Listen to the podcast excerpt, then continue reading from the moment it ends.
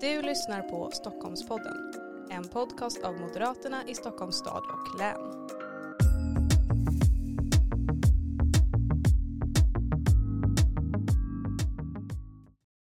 Hej och välkommen till veckans avsnitt av Stockholmpodden. Idag gästas vi av ingen mindre än MUFs tidigare förbundsordförande Benjamin Dosa som numera är vd för tankesmedjan Timbro. Varmt välkommen hit Benjamin. Tack så mycket.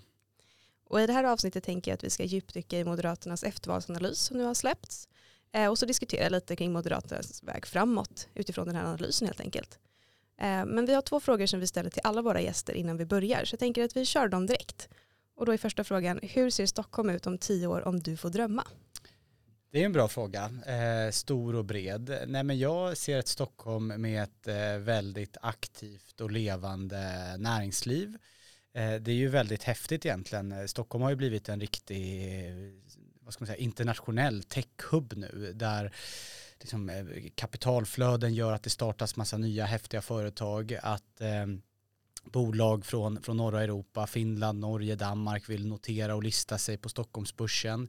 Eh, om man drar ut den tangenten så kan det ju bli väldigt spännande. Eh, jag ser också en, en en delvis ny stadsbild där det finns massa restauranger som dessutom får servera alkohol, ett, en, en, en ny puls. Alltså jag tycker det är väldigt intressant att bara jämföra Stockholm med typ Helsingfors och Oslo om man har varit där. Det är ju mycket mer levande i Stockholm men vi är inte riktigt på typ Köpenhamns nivå. Så att jag ser en urban, eh, levande eh, huvudstadsregion med, med liksom puls och liv eh, där det finns massa aktiviteter eh, och dessutom ett väldigt dynamiskt näringsliv som också bidrar till nya skatteintäkter. Så att, eh, det ser jag framför mig.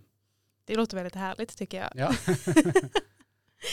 Vilken är din hjärtefråga? Eh, nej men jag är väl en ganska M-classic-väljare. I det här valet, vad tyckte jag då? Jo men såklart den grova brottsligheten, ekonomisk politik, alltså att, att eh, sänkta skatter på företag och på människor, det är väl mina hjärtefrågor. Såklart utanförskap och integrationsfrågan som om man tittar hela Stockholms län är ju väldigt påtaglig en, en del områden och kommuner också. Det tror jag liksom är, är Sveriges enskilt strukturellt viktigaste fråga att få in hundratusentals eh, invandrare och eh, barn till invandrare in på arbetsmarknaden. Mm. Ja, och det är ju en stor fråga också som kommer kräva mycket, mycket jobb. Verkligen, och där det krävs insatser både från lokalpolitiker men också från regeringen. Mm. Och även civilsamhället i många fall. Absolut. Mm. Eh, jag tänker vi börjar lite sådär, vad är dina slutsatser efter valet? Var det någonting som gjordes extra bra eller något som skulle kunna göras bättre, tycker du? Nej men det är klart att det, det, är en ganska spretig bild, vilket också eftervalsanalysen pekar på. Moderaterna går ju väldigt starkt i väldigt många kommuner. Eh, tyvärr är det inte så många människor som bor i de kommunerna där Moderaterna går som allra starkast. Eh, men vi verkar få en ganska bred folklig förankring och att det finns väljargrupper, speciellt utanför Stockholm, som kanske aldrig tidigare har röstat eller ens övervägt Moderaterna som nu går och röstar på Moderaterna. Eh, man ska också, det är viktigt att bejaka den starka trend bland ungdomar. Och det som är häftigt är, vi sitter ju på, på en hel del mätningar så här efter valet också och där man kan se tyvärr att Moderaterna går rätt svagt de har minskat sitt stöd i alla väljargrupper eh, och S går väldigt starkt med ett undantag och det är ungdomarna där S fortsätter att tappa bland unga, som sagt, efter valet. Så att, att ta hand om den ungdomsgenerationen som nu flödar in, inte bara i Moderaterna utan hela högerblocket. Det är ju fantastiskt och jätteviktigt långsiktigt för att de här förhoppningsvis, om de är kvar i partiet, så kommer ju Moderaterna få många väljare väldigt många år framöver. Och det som är häftigt är ju att tittar man på förstagångsväljarna, där låg väl Moderaterna på typ 26 procent. Mm. Tittar man på de lite yngre, de som är typ 15 till 18, så är Moderaterna ännu starkare på typ 30 procent om man tittar i skolval till exempel. Så det är ju jätte, jättebra. Men det är ju i, i storstadsregioner som det verkligen går dåligt. Och ehm, det, säger, det liksom ligger i, i demografins natur. Det bor ju väldigt många människor också. Och eh, det, det är inte så att det här är ett Stockholms innerstadsproblem bara, utan tittar man på urbana miljöer i kommuner som Nacka, Huddinge, Solna, Sundbyberg eh, så ser man liknande trender. Så ju mer urbant det blir, ju mer yngre eh, det blir, eh, desto sämre går det. Och det ser man ju även i liksom, Uppsala, Lund, Göteborg, den typen av kommuner också. Så det är väl det enskilt viktigaste uppdraget för Moderaterna de här fyra åren, att vända trenden i, i storstadsregioner. Ja, och det var väl också en av de största slutsatserna som man kom fram till. Det är att det är en urban huvudvärk helt enkelt. Och vi måste vända den här trenden. Och det är ju vi här på Stockholmsförbundet naturligtvis väldigt glada att höra. Att vi känner att vi får en prioritering igen. För att vi sitter ju på en väldigt stor väljarbas här i Stockholm helt enkelt. Och Verkligen. även våra länskommuner. Verkligen. Men det här jag tänker med det här med unga är ju himla intressant. Eh, för det finns ju många, ofta så brukar ju generellt sett, det fick jag höra när jag var yngre i alla fall, det är att unga generellt sett är väldigt vänster och att du sen blir höger. Men nu ser det ut som att det är tvärtom. Att vi har väldigt många som är unga som är väldigt höger. Tror du att vi kan hålla de här höger? Det är intressant att du just säger det, för att i media får man ju ofta, man, här, man har pratat om Greta-generationen, med Miljöpartiet är mm. relativt små bland unga. Man ser demonstrationer på tv med eh, 17, 18, 19-åringar som alltifrån limmar fast sig till, till håller olika typer av demonstrationer. Så tittar man bara på, på mediebevakningen så kan man ju lätt få känslan att oj, bland unga drar det skarpt åt vänster. Och det, det, är klart att det finns grupper där Moderaterna fortfarande är, vad ska man säga, halvsvaga i, alltså typ studenter, universitetsstudenter studenter. Man, man är stark bland gymnasiestudenter, man är stark bland de som har tagit examen, men han är relativt svag då bland studenter. Så det finns fickor kan man säga bland unga väljare. Men generellt sett så är den här trenden ganska, den har hållit i sig i typ 10-12 år. Mm. Eh, så det är väl någonstans från typ 2010 som, som trenden sattes igång och som har hållit i sig. Så det, eh, Eh, och det tror jag beror på eh, en rad olika faktorer. Den enskilt viktigaste det är ju att vad ska man säga, Socialdemokraternas kärnväljargrupper, ofta då på landsbygden, unga pojkar och flickor som i kanske generationer röstat på S. Alltså deras föräldrar röstade på S, deras far och morföräldrar röstade på S, deras liksom, eh, föräldrarna till mor och farföräldrar röstade på S. Det håller på att brytas. Eh, och många av dem går till Moderaterna men också till KD och SD. Så det, det, skulle jag säga är den enskilt viktigaste faktorn, att breda grupper av arbetarklassväljare på landsbygden, unga då, hantverkare, fordonselever, att de har gått från S till M och SD. Så det, det är den enskilt viktigaste faktorn tror jag. Mm. Ja, och när man tänker på det så tycker jag att det är en ganska logisk väg på något sätt. Framförallt med just hantverkaryrket där du ofta är egenföretagare eller liknande arbetsförhållanden och att du då väljer ett parti som representerar dig på en större grad. Det känns ju ganska logiskt men det är ju klart att yrket har ju förändrats under åren också så det kanske är en naturlig utveckling. Men jag tror också att det är väldigt viktigt att hålla i den här unga trenden för att om framtiden ska vara blå då måste ju de som växer upp också vara det. Verkligen. Eh, som du är inne på, jag tror att det är delvis eh, demografiskt. Alltså tittar man på en elektriker idag till exempel, det är ett ganska välbetalt medelklassjobb. Ehm, och, så det är en faktor och delvis så S har ju inte lyckats fånga upp vad den gruppen tycker är viktigt. Alltså det är ju mycket migration, brottsbekämpning eh, och det, där kanske inte S har jättestark trovärdighet just nu. Så det har nog skrämt bort den typen av väljare. Och det som är fantastiskt är när vi gör mätningar på den gruppen att de har inte ens S som andra eller kanske ens tredjehandsval. Så att de ligger ganska långt från S nu. Och jag tror det är svårt att vinna om man, om man hade varit S-strateg, att vinna tillbaka den på mm. kort sikt i alla fall. Ja, det, det låter ju väldigt positivt. Många som jag pratar med också säger att jo men det är för att eh, ungdomar är revolutionära och de kommer alltid heja på oppositionen. Vad tror du om det?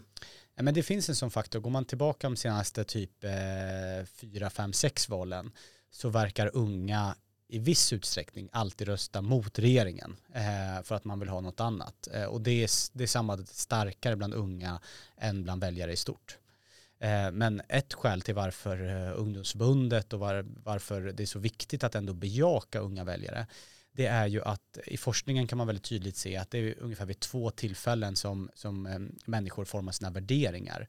Och vad är då skillnad på värdering och åsikt? Jo, värdering är liksom mer bestående. Det är, vad ska man säga, det, det, det är skelettet. Sen kan man ändra uppfattning och åsikt i massa olika saker. Ja, men ta som migrationsfrågan 2014-2015. Många ändrade åsikt att ja, men vi behöver nog en stramare invandringspolitik. Men värderingen om ett öppet Sverige, att människor ska behandlas lika oavsett om de kommer från ett annat land eller om de är födda i Sverige, den är kvar och består. Och kan man då få unga människor, 15, 16, 17, 18, 19, 20-åringar, att ha värderingen om att politiken ska bestämma mindre, människor ska få bestämma mer, det är viktigt med marknadsekonomi. Eh, då kommer den värderingen vara kvar resten av livet. Ja, Jo, nej, men så blir det ju såklart. Mm. Du får ju med dig någonting från dina unga år också. Där blir ju MUF otroligt viktigt. Eh, Verkligen. Att forma de här värderingarna och att hålla kvar. Vi har ju eh, de här fyra stycken slutsatserna som man har kommit fram till i eftervalsanalysen. Vi var inne ganska mycket på det här med storstaden. Eh, och, eh, men de andra tre stycken var då att sakfrågorna i valet var på vår planhalva eh, och att politik måste kännas i magen och att organisationen måste fortsätta stärkas. Är det någonting av de här tre som du också tycker är väldigt viktigt? Absolut, All, alla delar är viktiga och jag, tycker, jag håller verkligen med eh, eftervalsanalysen. Men jag, jag tror att man måste fundera och ligga lite före i tiden också på de här olika delarna. Alltså ta, ta som den, det första du sa med sakfrågorna var på, på Moderaternas planhalva. Eh, och, och, med det menar man ju att det var mycket fokus på brottsbekämpning, det var en del fokus på ekonomi, amorteringskrav, den typen av frågor. Eh, invandringspolitiken var förvisso inte på topp tre men ändå topp fem. Eh, det är ju inte säkert att det är samma frågor som är avgörande för väljarna 2026. Och framför allt, eh, om man ska vara väldigt krass, alltså i sluttampen av valrörelsen, då, då var det ju väldigt många väldigt grova brott. Det var ju mord och skjutningar, bombattacker i princip varje dag. Och varje gång det hände så kunde moderata företrädare gå ut och säga och därför behöver vi en ny regering. Mm. Det kommer man alltså inte kunna säga sommaren 2026 om det är massa brott att så här, nej men därför behöver vi fyra år till med Gunnar Strömmer. Det är liksom, eh, visst det, man kan använda det till viss del. Därför ska vi inte tillbaka till S där det var haveri. Men det är inte lika klart för väljarna, det är inte såklart för väljarna att man ska få fyra år till. Så att jag tror att man behöver Delvis behöver man eh, fundera på vilka frågor som det kommer vara 2026. Det är ju helt omöjligt. Man kan ju bara gissa sig fram och det är ju alltid liksom X-faktorer. Kriget i Ukraina var ju en sån X-faktor. Att NATO-frågan skulle bli så extremt viktig för väljarna, det, det hade ju ingen kunnat förutspå för tre år sedan. Men det finns ju ändå vissa trender man kan se. Alltså ta som ekonomisk politik har ju kraftigt växt i betydelse de senaste tre åren. Eh, jag tror inte vi kommer gå tillbaka till det, den lågräntemiljön som vi hade för bara två, tre år sedan. Eh, visst, det kanske inte på riktigt de här höga nivåerna, men jag tror att vad ska man säga, plånboksfrågorna kommer ändå vara viktiga. Vad ska Moderaternas politik vara på det? Jag tror att det definitivt kommer vara en topp fem-fråga. Eh, miljö och klimat, det är alltså ingen fluga utan där ser man ju bestående att, att den frågan växer och växer för varje år, framförallt då bland unga ur, urbana väljare.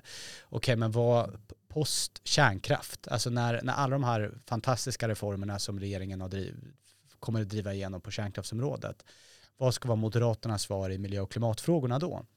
Den typen av frågor tror jag att man måste börja skissa på redan nu och inte bara förvänta sig att ja, men om fyra år så kommer sakfrågorna igen handla om våra frågor utan man måste liksom anpassa det lite. Eh, och det är också så att det här med politik måste kännas i magen. Där tror jag, jag tror, om man bara ska liksom ta ut en enda del i eftervalsanalysen, vad var det enskilt viktigaste? Det var nästan rubriken på DN Debatten, nu kommer jag inte ihåg exakt vad den, vad den var, men det var ju typ så här, risken är att de huvudsakliga konflikterna i svensk politik hamnar mellan S och SD mm och där Moderaterna då blir irrelevanta. Eh, och det tror jag är extremt viktigt, att det finns ett behov. Det är jätteviktigt för Moderaterna att ha en värderingskonflikt mot S. Eh, och där finns det ju många exempel genom historien, alltså arbetslinjen, det är ju ett sådant konkret exempel där S kommer alltså aldrig tycka som Moderaterna i de frågorna, att det ska löna sig att jobba, det, vad betyder det i praktiken, bidragstag, sänkta skatter, den typen av frågor. S kommer aldrig skriva under på det. Mm. Eh, och S ser man ju nu väldigt tydligt triangulerar ju M i många andra viktiga M-frågor. Alltså försvarspolitiken, de vill ju i princip ha lika mycket pengar till försvaret som Moderaterna vill. Justitiepolitiken, jag menar de kommer ju inte gå till val på att nej men nu ska vi, när Moderaterna har dubblerat straffen för gängkriminella, alltså Magdalena kommer inte säga nej men vi vill halvera straffen, utan de kommer ju bara, vi står bakom allt det, varenda punkt i tidavtalet på det här området kommer vi stå bakom. Ehm, och då behövs det liksom nya eller åtminstone åter, gamla konflikter måste återuppstå. Så att den huvudsakliga konflikten är mellan S och M mm. och inte mellan S och SD som trycker undan M.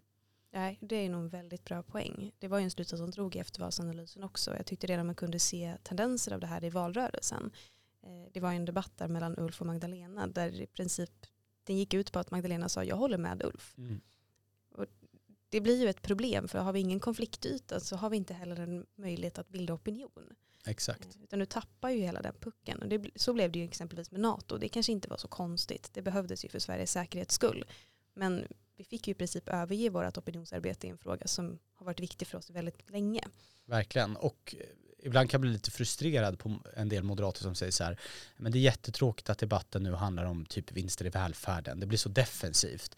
Och nu, eh, för att göra en fotbollsreferens då, om, om, om bollen är på egen planhalva nära sitt eget straffområde, vad ska man göra då? Ska man gå runt och klaga på att ja, men bollen är här? Nej, man behöver ju få över den till motståndarens planhalva. Så vill man inte att svensk samhällsdebatt ska handla om vinster i välfärden och eh, eh rika gubbar och tanter som tar ut en massa vinst, ja men då måste man ju se till att det blir en konflikt någon annanstans. Ta som bidragstaket till exempel. Det är väl fantastiskt ifall man sätter igång det arbetet och S kommer tokrasa. Och då hamnar liksom bollen på deras planhalva så blir de defensiva och där vi kan stå upp för att det ska löna sig att arbeta. Så, så man, om, man, om man är missnöjd med vad frågorna handlar om, både i sin egen kommun eller eh, nationellt, ja men då får man ju se till att man kör över bollen på, på motståndarens planhalva. Mm. Och det är nog en väldigt bra takeaway också att få med nu att vi har några år på oss att bygga konfliktytor och börja hitta de här politikerna där vi kan bygga opinion och faktiskt visa vad skillnaden mellan att rösta på Moderaterna och Socialdemokraterna är. Eh, så vi inte tappar den bland väljare. För det tyckte jag att vi hörde en del även i, ja, men i valrörelsen. Att folk inte förstod skillnaden mellan M och S alltid. Och det är ju ett jätteproblem om vi inte utmärker oss mot i princip våra största motståndare i politiken när det kommer till värderingar och grundläggande syn på människan. Verkligen. Eh, vi har ju pratat lite om de här slutsatserna och även hur vi ska arbeta med det här helt enkelt. Men jag tänker, vad kan en fritidspolitiker göra som sitter i Stockholms län och känner att nu vill jag arbeta för ännu bättre valvinst 2026? Ja, det, det beror väl lite på eh, vilken kommun man är i och vilka uppdrag man har. Eh, men det är klart att, och det beror också på såklart om man sitter i opposition eller om man sitter i majoritet. Om man sitter i majoritet så är det väl leverera bra politik och, och, genomföra saker som, som gynnar medborgarna och väljarna. Och tittar man på en del av dem, jag säger inte att i de kommuner där man backade att man var katastrofal på att bedriva politik, men där vi ökade, alltså ta eh, som framgångsexemplet, det tycker jag, jag menar det, det exemplet borde man ju sprida i hela Sverige, Österåker till exempel, alltså de kör verkligen. Det är liksom hardcore M-politik. Och de gynnas fenomenalt av väljarna. Eh, Mikaela är ju liksom en fantastisk politiker som borde lyftas upp tycker jag liksom på nationell nivå. Fler borde göra som henne. Hon är också känd bland medborgarna.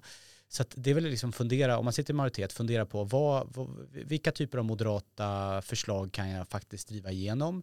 Försöka få med sig de samarbetspartierna på det och också leverera och kanske skryta lite ibland i media om det. Är man i opposition handlar det mycket om att eh, granska, eh, att hugga på dåliga S-förslag men att ta som i Stockholms kommun att man kraftigt skär ner på ordningsvakter. Det är ju klockrent att man, att man tydliggör skillnaden mellan S och M. Och där jag gissar på, nu har inte jag mätningar på det, men jag gissar på att en kraftig majoritet, även om S-väljare tycker att ordningsvakter är relativt rimligt. Um, och återigen försöka hitta de här konflikterna mot, mot S. Mm. Vad kan politiken och näringslivet göra tillsammans? Eh, det beror också lite på vilken typ av kommun man är i. Alltså jag tror att det är relativt stor skillnad mellan eh, ta Nykvarn och Stockholm till exempel. I Nykvarn skulle jag ju, eller ett annat exempel, Haninges KSO, Sven, eh, han har, nu halvkillisar jag här, men typ en gång i veckan eller en gång i månaden så träffar han alla företagare i kommunen där de får ja, men peka på att vi har, vi har problem med att vi vill bygga ut vår eh, fabrik här. Hur får jag tillstånd för det? Kan ni hjälpa och snabba på det i kommunens processer? Det är ett jättebra exempel eh, på, på en person som verkligen kan bygga förtroende i näringslivet. Och det är ju både viktigt utifrån ett politiskt perspektiv att menar, företagare är en viktig väljarbas för Moderaterna. Men det är ju också viktigt för kommunen. Det är ju företagarna och det är privat sektor som skapar nya jobb eh, och kan se till att fler flyttar till kommunen och så i, i väldigt stora kommuner är ju lite, det, det, skulle vara svårt för eh, Koffe att samla alla Stockholms företagare. Men där får man väl hitta enskilda format och samarbeten med, med näringslivet. Men det är ju det som ändå eh, bygger och, och skapar nya skatteintäkter för kommunen. Absolut. Nära kontakter och nära, nära dialog egentligen. Verkligen. Mm. Eh, en sak som jag tyckte var väldigt intressant och som faktiskt är ett problem eller kan bli ett problem det är att det är en ganska bred röstsplittring mellan olika val. Eh, och jag tycker det är ganska intressant framförallt om man tittar på Stockholm, eh, i och med att i Stockholm vi är. Eh, så i Stockholms län så är röstsplittringen så att du gärna röstar, hellre röstar Moderaterna i kommunen eh, men mindre för, för riksdagsvalet. Men i Stockholms stad så var det faktiskt tvärtom. Varför tror du att det ser ut så? En bra fråga eh, som man nog skulle behöva djupdyka lite i eh, var eh, alltså väljarflödena. Det är, nu gissar jag bara, det kan ju vara så att stadenväljare kanske var mer benägna att stödrösta på något parti som man kanske inte var. Sen är det också svårt, alltså att, att bli riktigt, riktigt känd. Alltså Stockholm, visst, vi har DN och Svenska Dagbladet, men det är ju mer rikstidningar. P4 finns och mitt i tidningarna. Men om man tittar utanför Stockholm så är det mycket lättare att, att bli liksom lokalkändis som lokalpolitiker. Men det är klart att om man ska vara helt krass så är ju det ett, ett, eh, någon form av underbetyg i alla fall. Eh, och skickar en signal att, att eh, man måste jobba hårdare och kanske liksom väga eh, politiken. Jag menar, jag, jag satt i Moderaterna i Stockholms kommuns då eftervalsanalys förra valet och där kunde man ju tydligt se som konkret exempel eh, att det fanns vissa stadsbyggnadsprojekt till exempel som var djupt, djupt impopulära.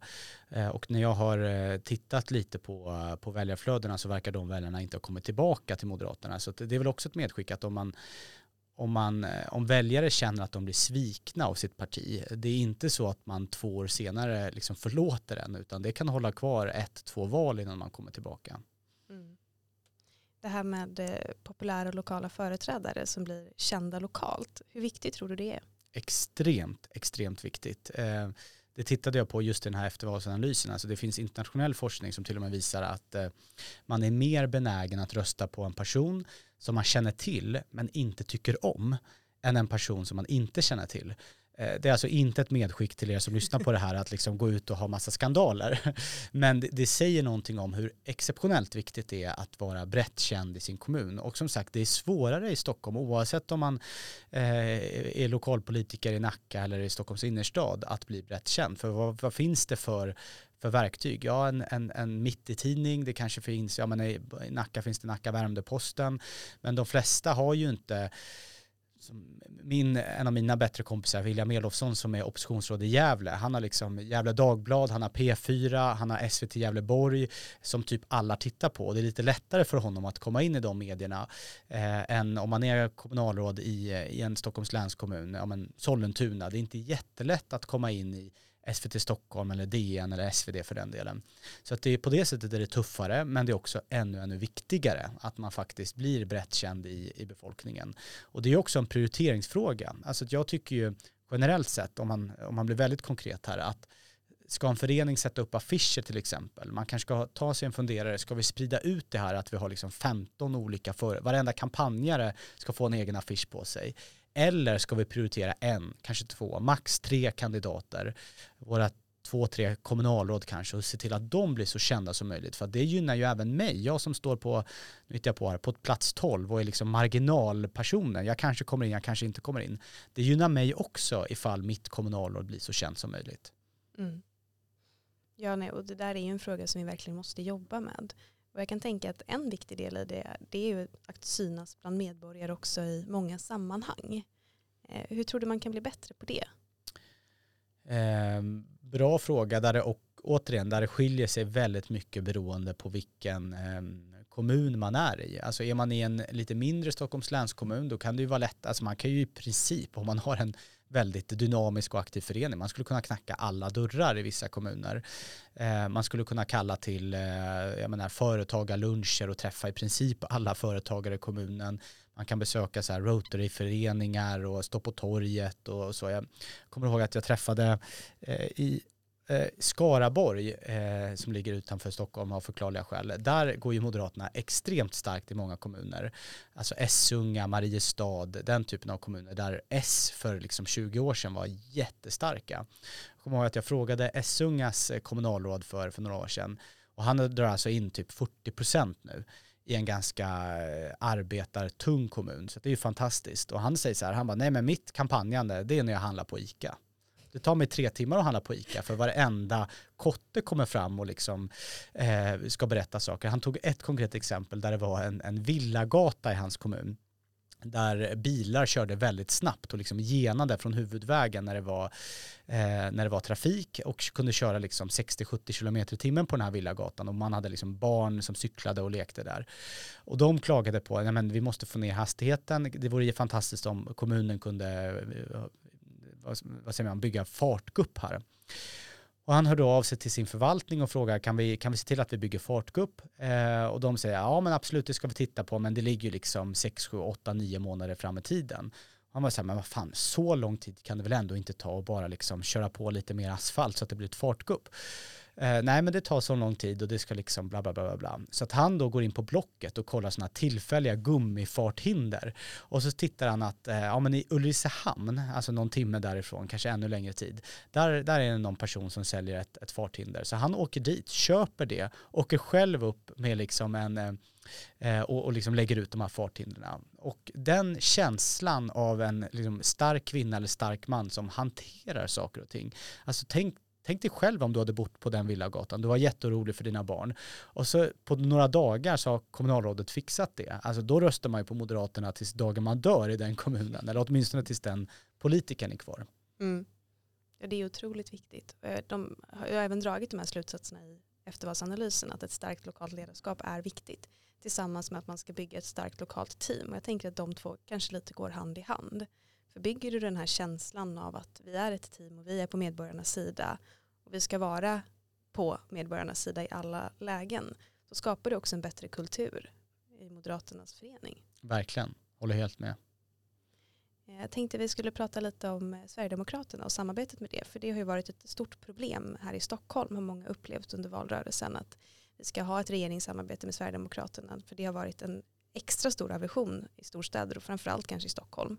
Eh, tror du att den konfliktytan av att vi har ett samarbete med Sverigedemokraterna kommer att svalna genom att vi just samarbetar med Sverigedemokraterna? Eh, I ärlighetens namn så återstår väl det att se. Alltså i, i den bästa av världar om man tänker sig så här. Om man drar ut tangenten då till 2026 eh, och så har man gjort massa bra saker på migrations och justitieområdet och kanske lite sänkta skatter och en borgerlig ekonomisk politik eh, så kommer väljarna känna så här, men, men varför, om man tar de, den stora M-gruppen som har M som andrahandsval i SD, att den känner så här, men eh, nu, nu har jag ju fått allt det som jag tyckte var så himla dåligt i Sverige. Nu kan jag gå tillbaka till Moderaterna som jag röstat på tidigare. Och då kanske SD minskar.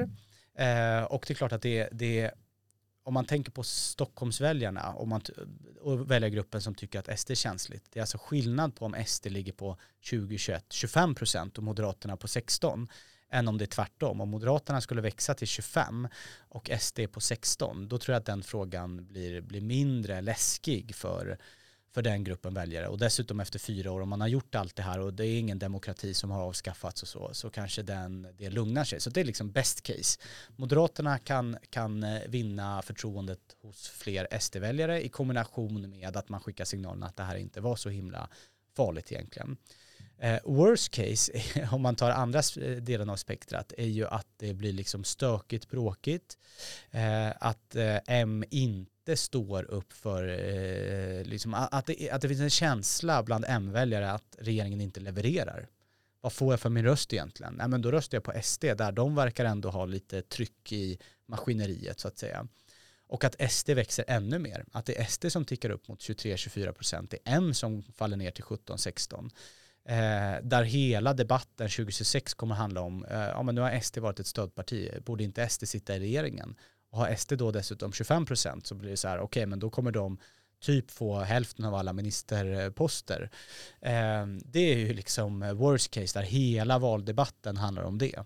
Så att det, eh, det återstår verkligen att se. Men, och det Moderaterna kan göra är ju att leverera moderat politik så att man behåller och kanske växer sina väljare. Och det här är också ett vanligt missförstånd. Många tror ju att SD-väljaren är jättevänster. Och jag har delvis själv liksom, eh, bidragit till den bilden.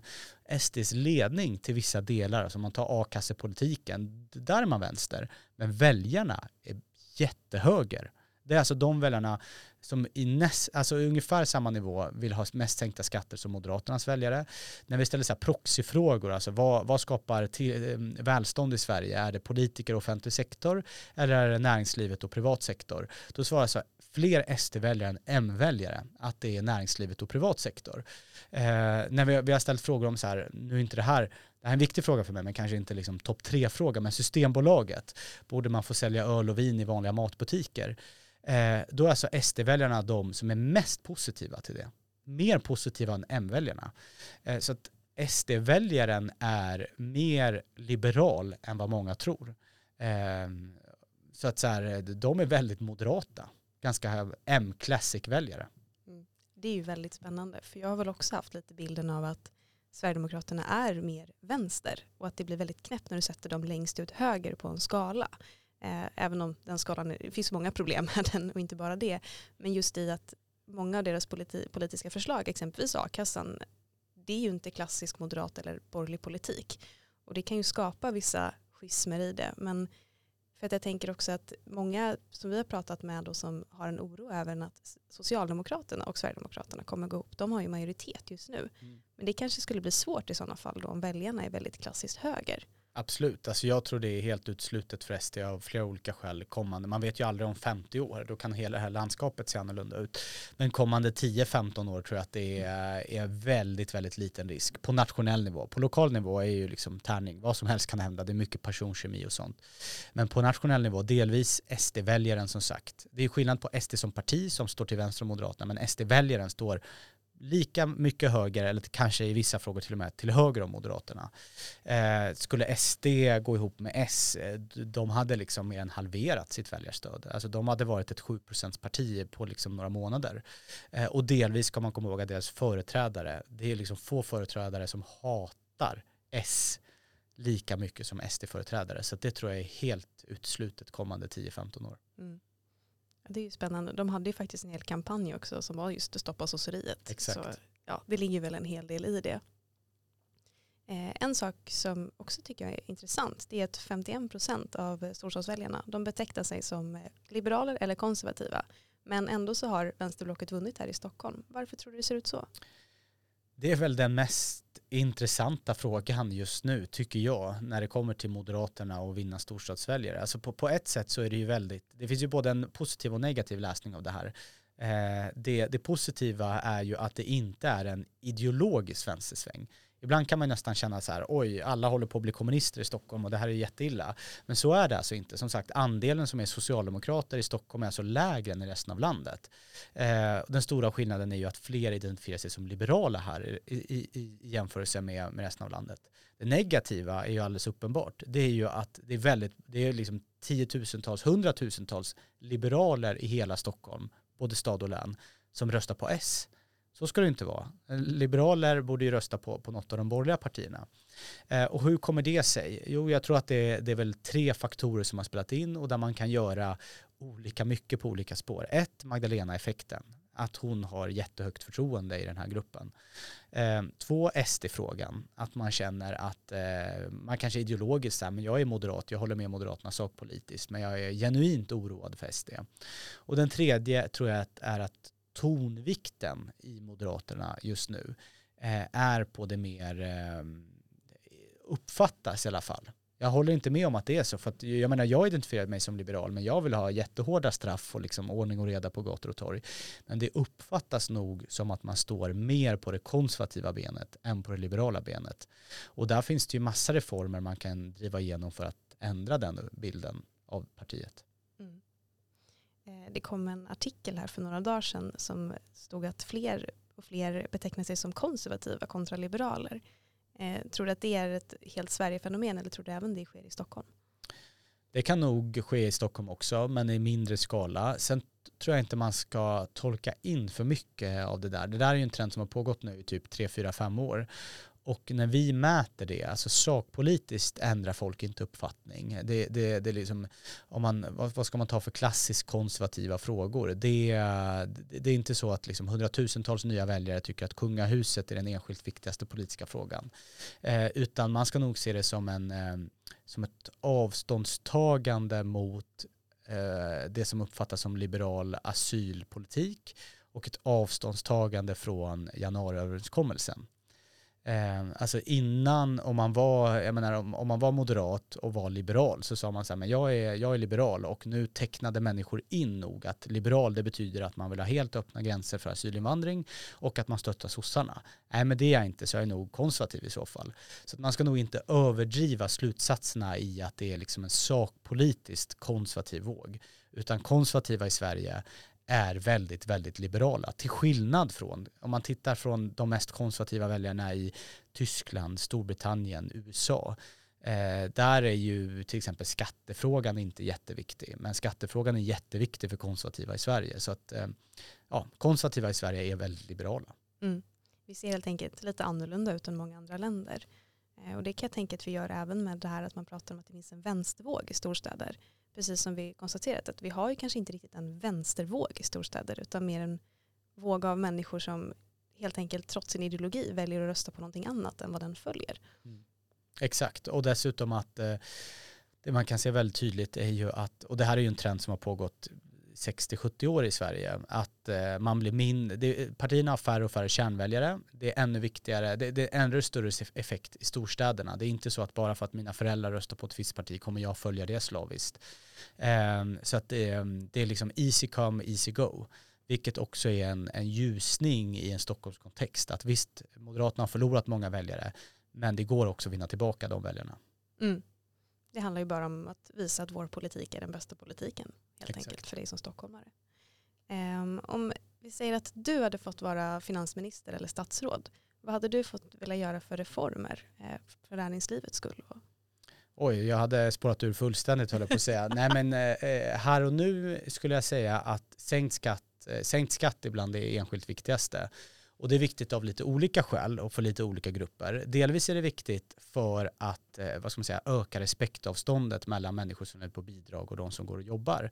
Alltså nu tittar man på marginaleffekterna av att gå från försörjningsstöd till arbete så är de ibland obefintliga eller väldigt, väldigt små. Det tycker jag är liksom rent moraliskt orättvist att man ska kunna tjäna lika mycket på bidrag som arbete. Och där eh, sänkt skatt på arbetet, nytt jobbskattavdrag riktat mot eh, personer som har små och normala inkomster skulle ha liksom förbättra de effekterna. Det är viktigt för den gruppen. Det är också viktigt för att hushållen har det väldigt, väldigt tufft just nu, har tuffare, har det tuffare i Sverige än i andra länder för att eh, skuldsättningen är större och för att hö kraftigt högre andel har rörliga bolån också. Eh, och det är viktigt för Sveriges vad ska man säga, produktivitetstillväxt. Alltså vi har eh, vi har alltså tappat, vår produktivitetstillväxt har alltså eh, blivit lägre och lägre för varje år som går eh, sen mitten på 00-talet ungefär. Eh, så att Sverige hade kunnat vara ett av världens allra, allra rikaste länder om vi hade haft samma tempo som då. Så att det är liksom sänkt skatt på arbete tror jag är det enskilt viktigaste här och nu. Sen skulle jag nog eh, rensa i, eh, vad ska man kalla det, regleringsdjungeln. Allt ifrån att det tar väldigt lång tid att eh, att få olika typer av miljötillstånd. Eh, alltifrån eh, för att starta nya kärnkraftsreaktorer till att man ska bygga ut en fabrik till att eh, e-, etablera sig på nya platser. Så, så den typen av regleringar hade jag liksom kraftigt avreglerat. Det finns vissa branscher som skulle behöva avregleringar. Taximarknaden är ett exempel. Jag tycker så här gårdsförsäljning och sånt är viktigt. Ehm, jag, jag tycker väl kanske inte att staten ska äga riktigt lika många bolag som man äger idag. Där det också finns en, jag menar, det tycker till och med Sverigedemokraterna. Sverigedemokraterna har gjort uttalanden som att SBAB ska privatiseras till exempel, att man inte ska äga SAS, Telia. Eh, det hade man kunnat göra. Så det, det, finns, det finns att göra så att säga. Ja, verkligen. Men vi börjar med skatten helt enkelt. Absolut. Ja, det låter som en bra plan. Hur kommer Timbro arbeta framåt? Ja, men vi är ju egentligen, vi är ju liksom väldigt politiska men vi är partipolitiskt obundna. Eh, så vad är viktigt för oss kommande ett, två, tre år? Jo det är ju delvis att få upp, framförallt från vårt perspektiv, få upp skattefrågan på agendan. Där vi har en rad aktiviteter för att göra det mer intressant. Sen finns det vissa frågor som inte är topp tre, kanske inte ens topp tio för väljarna, men där det är så här, om vi inte gör det så kommer ingen annan göra det. Alltså, ett konkret exempel är ju alla regleringar på bostadsmarknaden till exempel. Bostadsfrågan har ju inte varit en topp fem-fråga i Sverige på 20 år.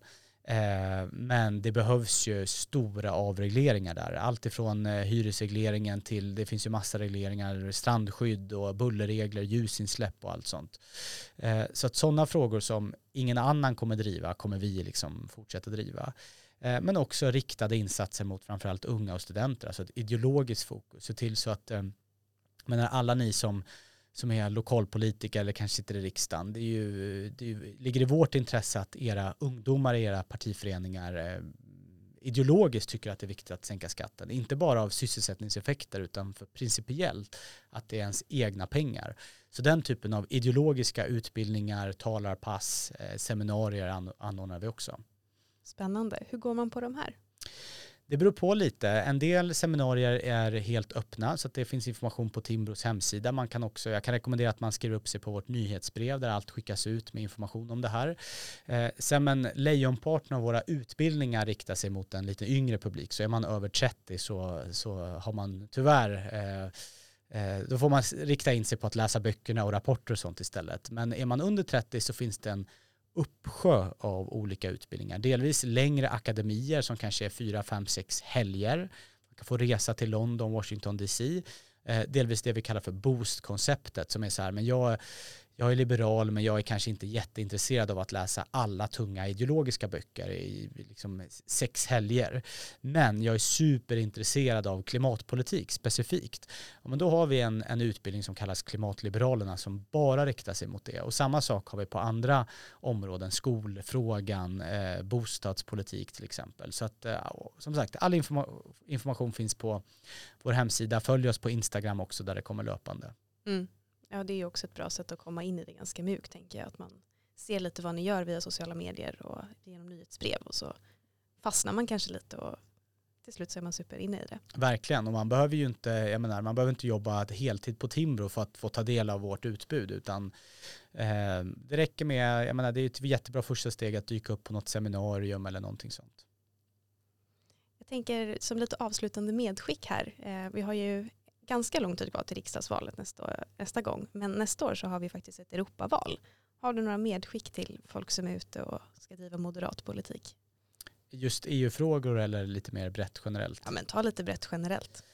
Eh, nej men eh, ett, ett par medskick. Ett, att leverera på det man faktiskt gick till val på. Jag tror att det är oerhört viktigt att många av de stora reformer på justitieområdet, bidragstak, utanförskapet, att de sätts igång och börjar implementeras så att väljarna, man skickar signalen till väljarna att så här, vi, vi levererar på våra vallöften och det här kommer få effekt på de stora samhällsproblem som vi har pratat om. Eh, det gör det också mycket lättare för en, en kampanjare att kunna peka på, ja men tack vare Moderaterna så har vi om tre månader liksom ett bidragstak på plats. Det är liksom rösta på Moderaterna igen. Så det tror jag är liksom det enskilt viktigaste, att leverera på den politiken eh, som, som Moderaterna redan tycker.